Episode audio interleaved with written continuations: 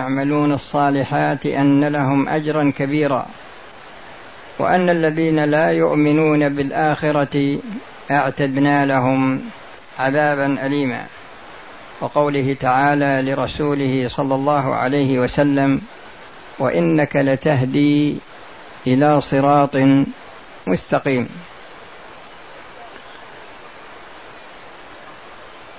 في هذه الليلة أتكلم على وجه من وجوه هداية القرآن. وهذا الوجه لا يختص بشخص دون شخص لأن لأن الله سبحانه وتعالى ذكر هذا الوجه في القرآن في مواضع كثيرة.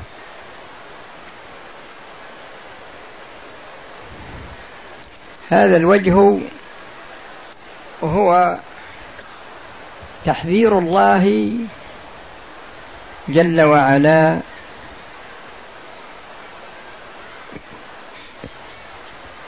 لعباده من الشيطان الرجيم.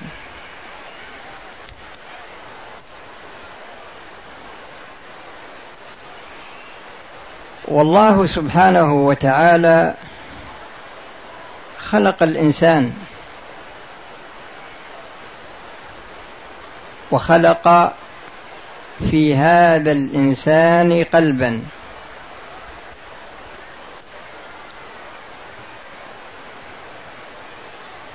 وهذا القلب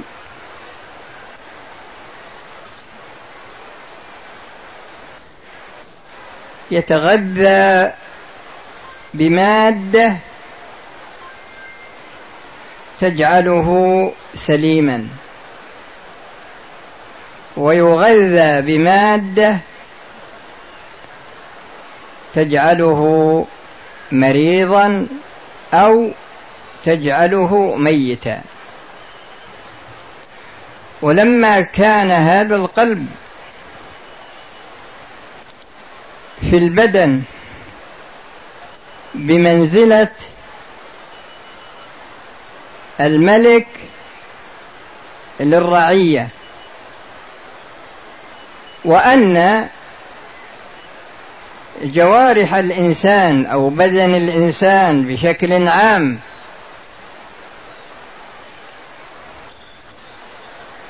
يتحرك ويشتغل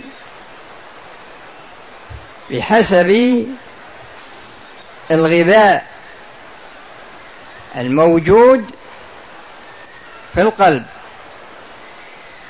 ولما كان هذا القلب هو المركز كان هذا القلب مقرا للشيطان.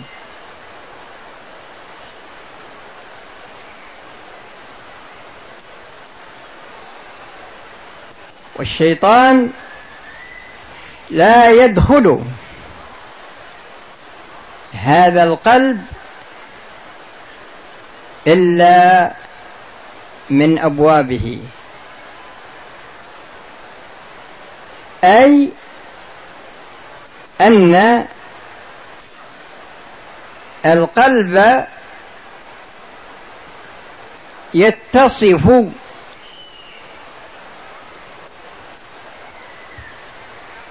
بصفات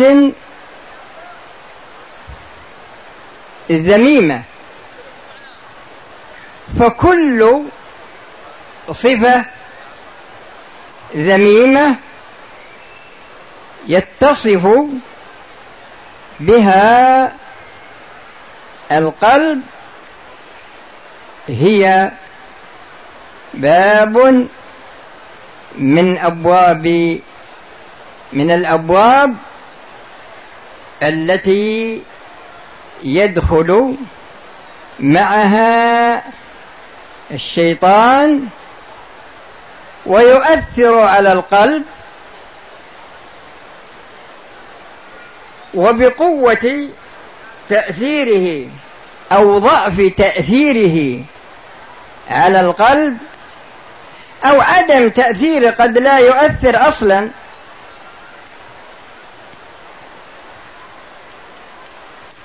تتحرك الجوارح وتشتغل.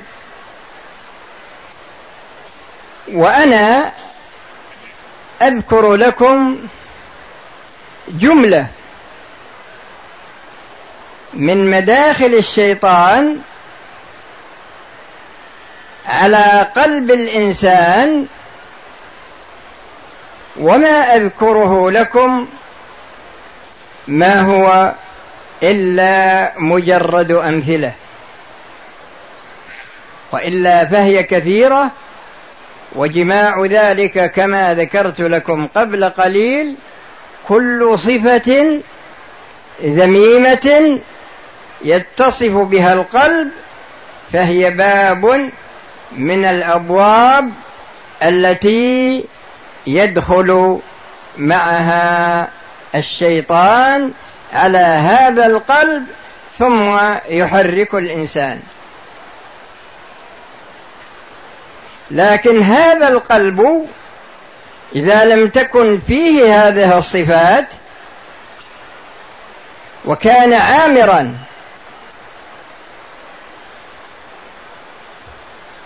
بامتثال الأوامر واجتناب النواهي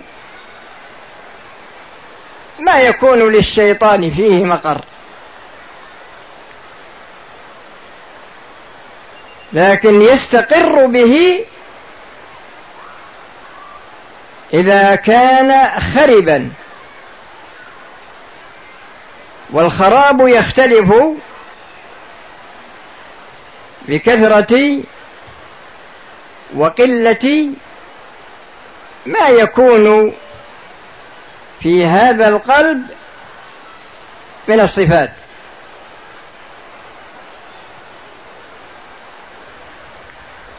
من هذه الصفات أو أو من هذه من هذه الصفات التي تكون بابا من مداخله الغضب.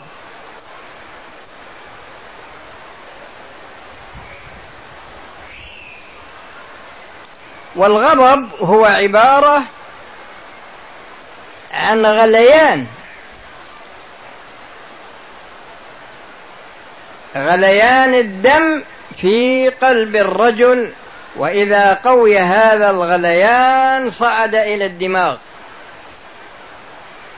وإذا صعد إلى الدماغ دخل الشيطان وجعل الشخص الذي اتصف بهذه الصفة جعله يتصرف تصرفا لا شعوريا.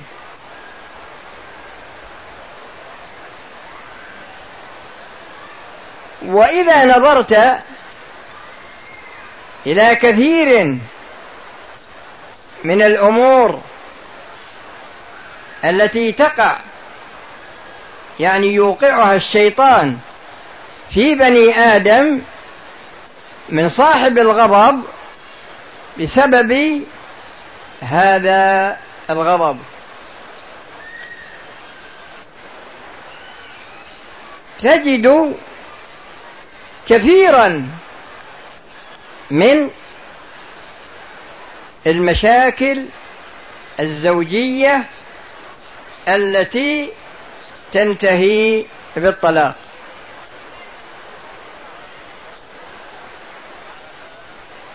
وقد يكون هناك أولاد وقد تكون العلاقة قوية لكن يحصل خلاف بين الرجل وبين المرأة في أمر تافه ثم يتدرج هذا الخلاف حتى يغضب الرجل. فإذا غضب دخل الشيطان وسول له أن يطلق زوجته. وقد يطلقها طلاقا لا رجوع فيه ويكون هناك أولاد. فتسوء العلاقة بين الرجل والمرأة ويتشرد الأولاد نتيجة هذا التصرف.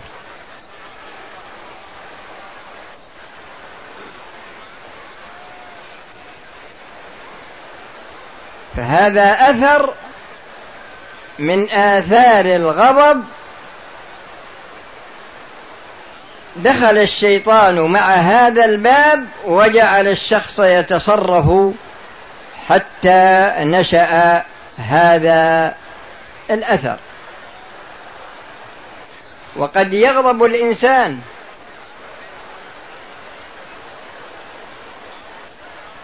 ويكون أو وتكون نتيجة هذا الغضب قتل نفس بغير حق. وهذا يقع كثير.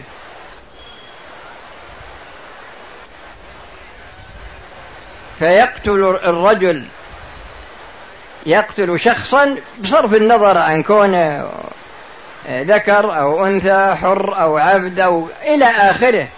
المهم أنه أن الشيطان دخل لما حصل الغضب دخل في قلب هذا الشخص مع هذا الباب وسول له أن يقتل هذا الشخص وهذا حصل يحصل كثير إلى درجة أنه قد يحصل بين أولاد في سن العشرين أو في سن الخامسة عشرة. فيكون هذا نتيجته ما هي نتيجته؟ القصاص. إذا كان القاتل ممن ينطبق عليه القصاص. ولكم في القصاص حياة يا أولي الألباب.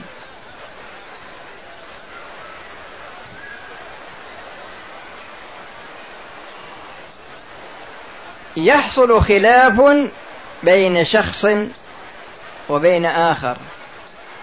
فيتدرج هذا الخلاف حتى توجد صفة الغضب. فإذا وجدت صفة الغضب تصرف هذا الشخص مع هذا الآخر. تصرف تصرفا غير مشروع. وأذكر لكم يعني أشخاص مبطي لكن حصل بينهم خلاف ونتج من ناحية الغضب بينهم يعني تدرج الغضب وتطور الغضب إلى درجة القتل. لكن ما الذي حصل بعد القتل؟ أخذ أخذ الجثة القاتل أخذ الجثة وحرقها من أجل ألا يستدل عليها.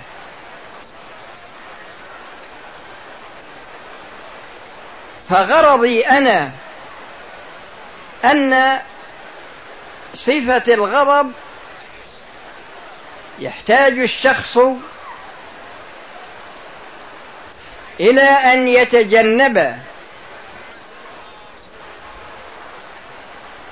الأسباب التي تثير الغضب. تجنب الأسباب التي تثير الغضب لأن بعض الناس يعطيه الله جل وعلا صفة الحلم. مهما بذلت من الوسائل لإغضابه فلن تغضبه.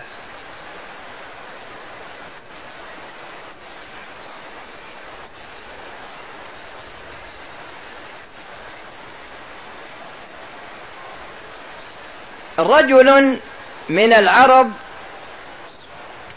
عنده زوجتان ولكل واحدة منهما أولاد. فقام ولد إحدى الزوجتين وقتل أخاه.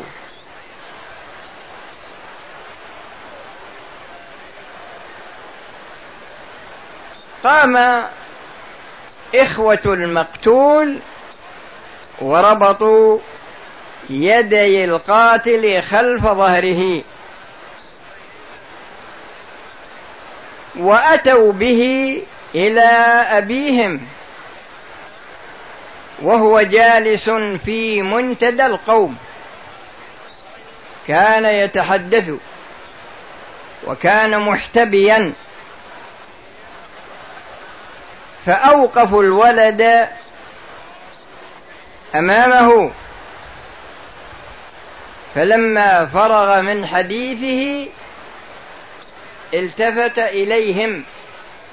فقال لهم ما شأنه؟ قالوا قتل أخاه فلانا. فرفع بصره إلى القاتل وقال له قطعت يدك بيدك.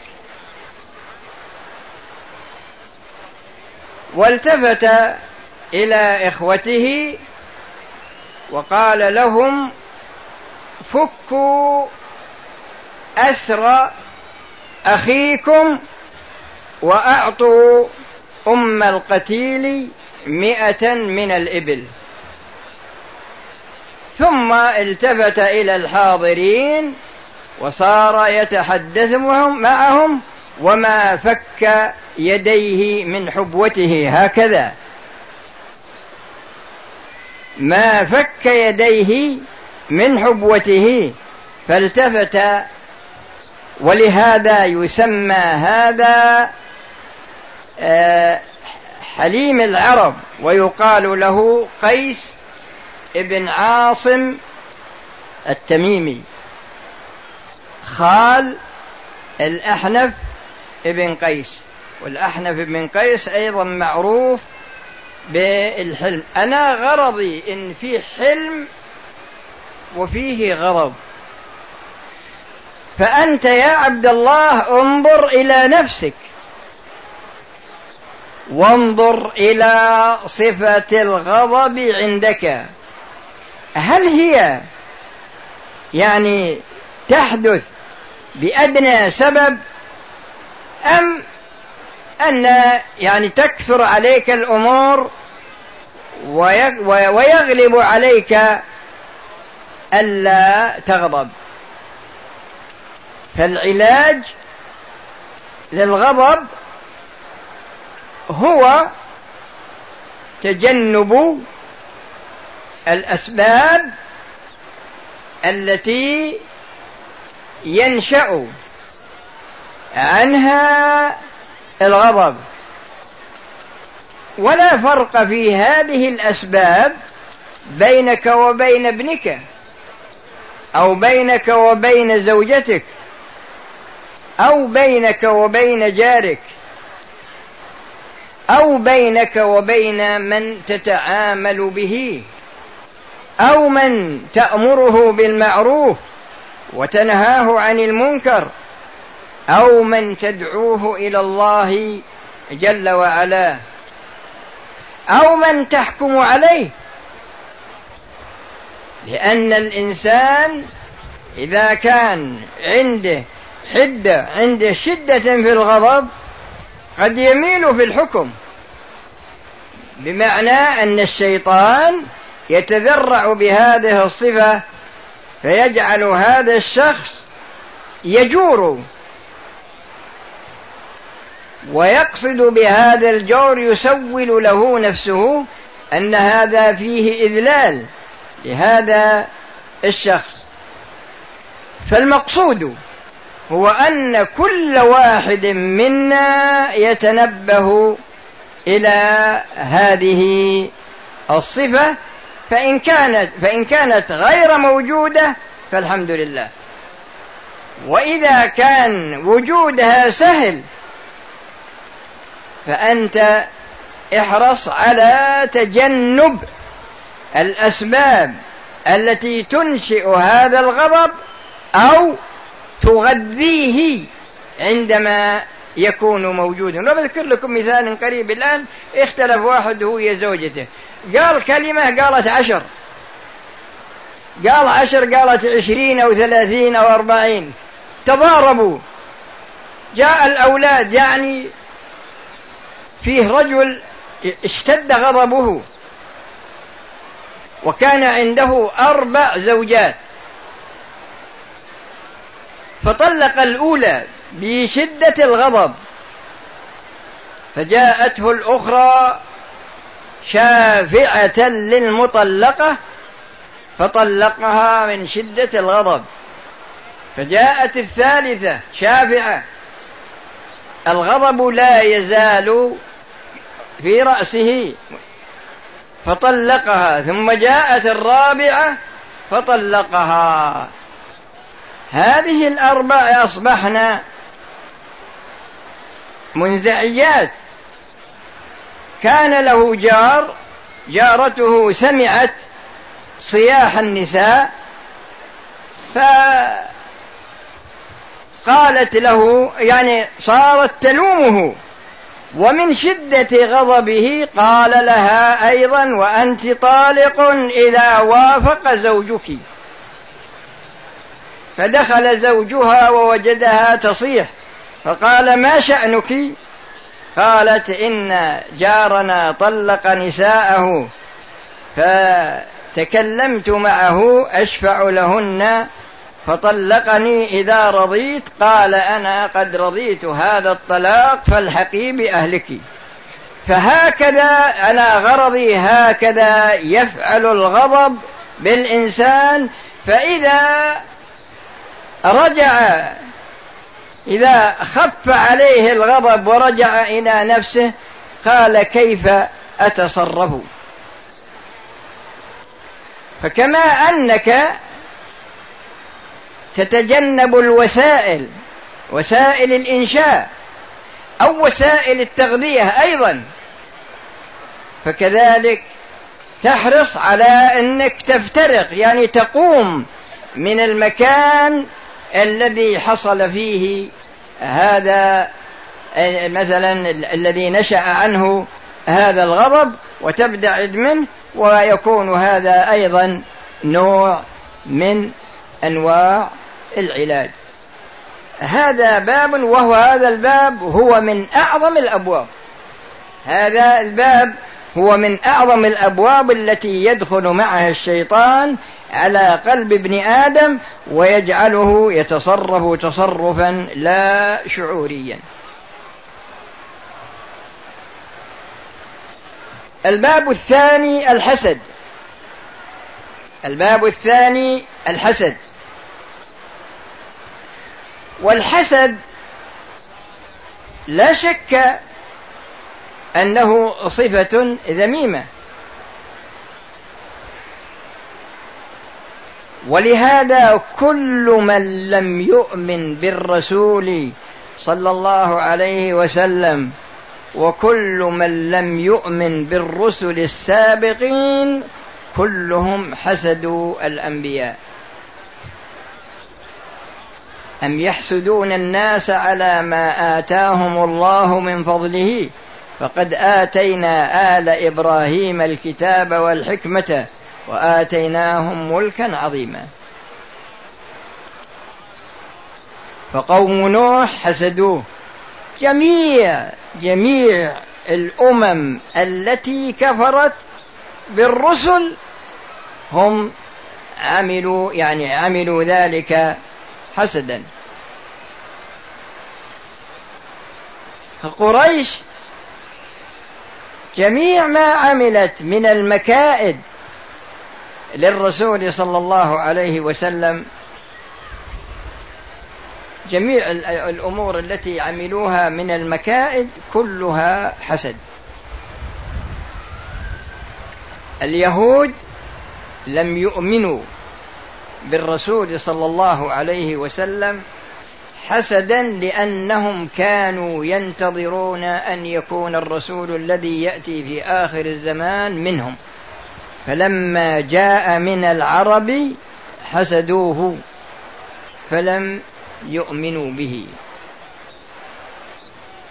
ويقول جل وعلا قل أعوذ برب الفلق من شر ما إلى أن قال ومن شر حاسد إذا حسد. والحسد هذا هو صفة ذميمة. ويقع بكثرة بين الأقران وقصدي بالأقران الأشخاص الذين يتقاربون في الأعمال ويتقاربون في الصفات.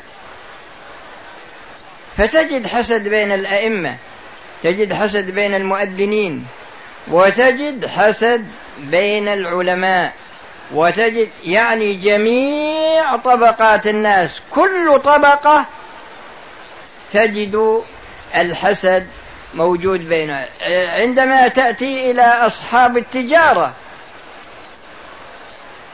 كل نوع من أنواع التجارة يشتغل فيه أشخاص تجد أن بعضهم يكيد لبعض وبعضهم يحسد بعضا. ويشتغلون شغلات ما إحنا في حاجة إلى أننا نتكلم بتفاصيلها. لأن الحسد هو محبة زوال نعمة الغير يعني إنسان في صحة وتريد أنت أن يكون مريضا. في غنى وتريد أن يكون فقيرا. وهكذا يعني شخص منحه الله صفة من الصفات الطيبة الحاسد يريد أن تزول هذه الصفة التي أنعم الله بها على هذا الشخص يريد أن تزول منه.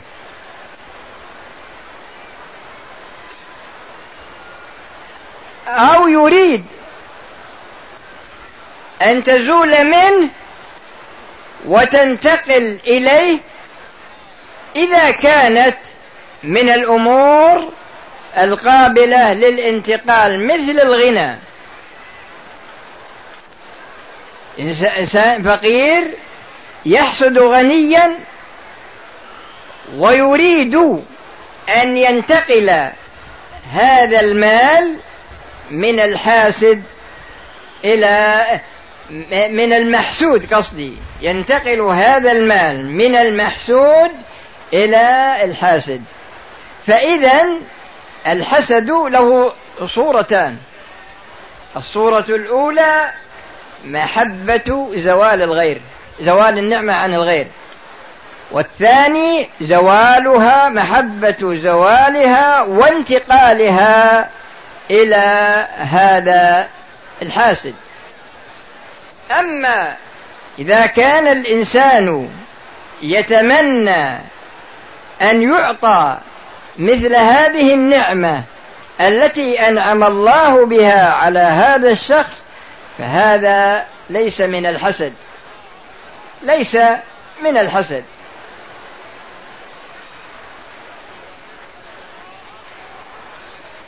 هذا المرض كيف تعالجه؟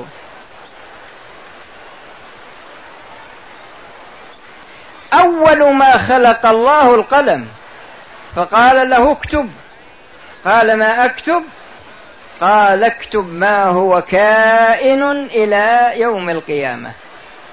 فجرى في تلك الساعة بما هو كائن إلى يوم القيامة.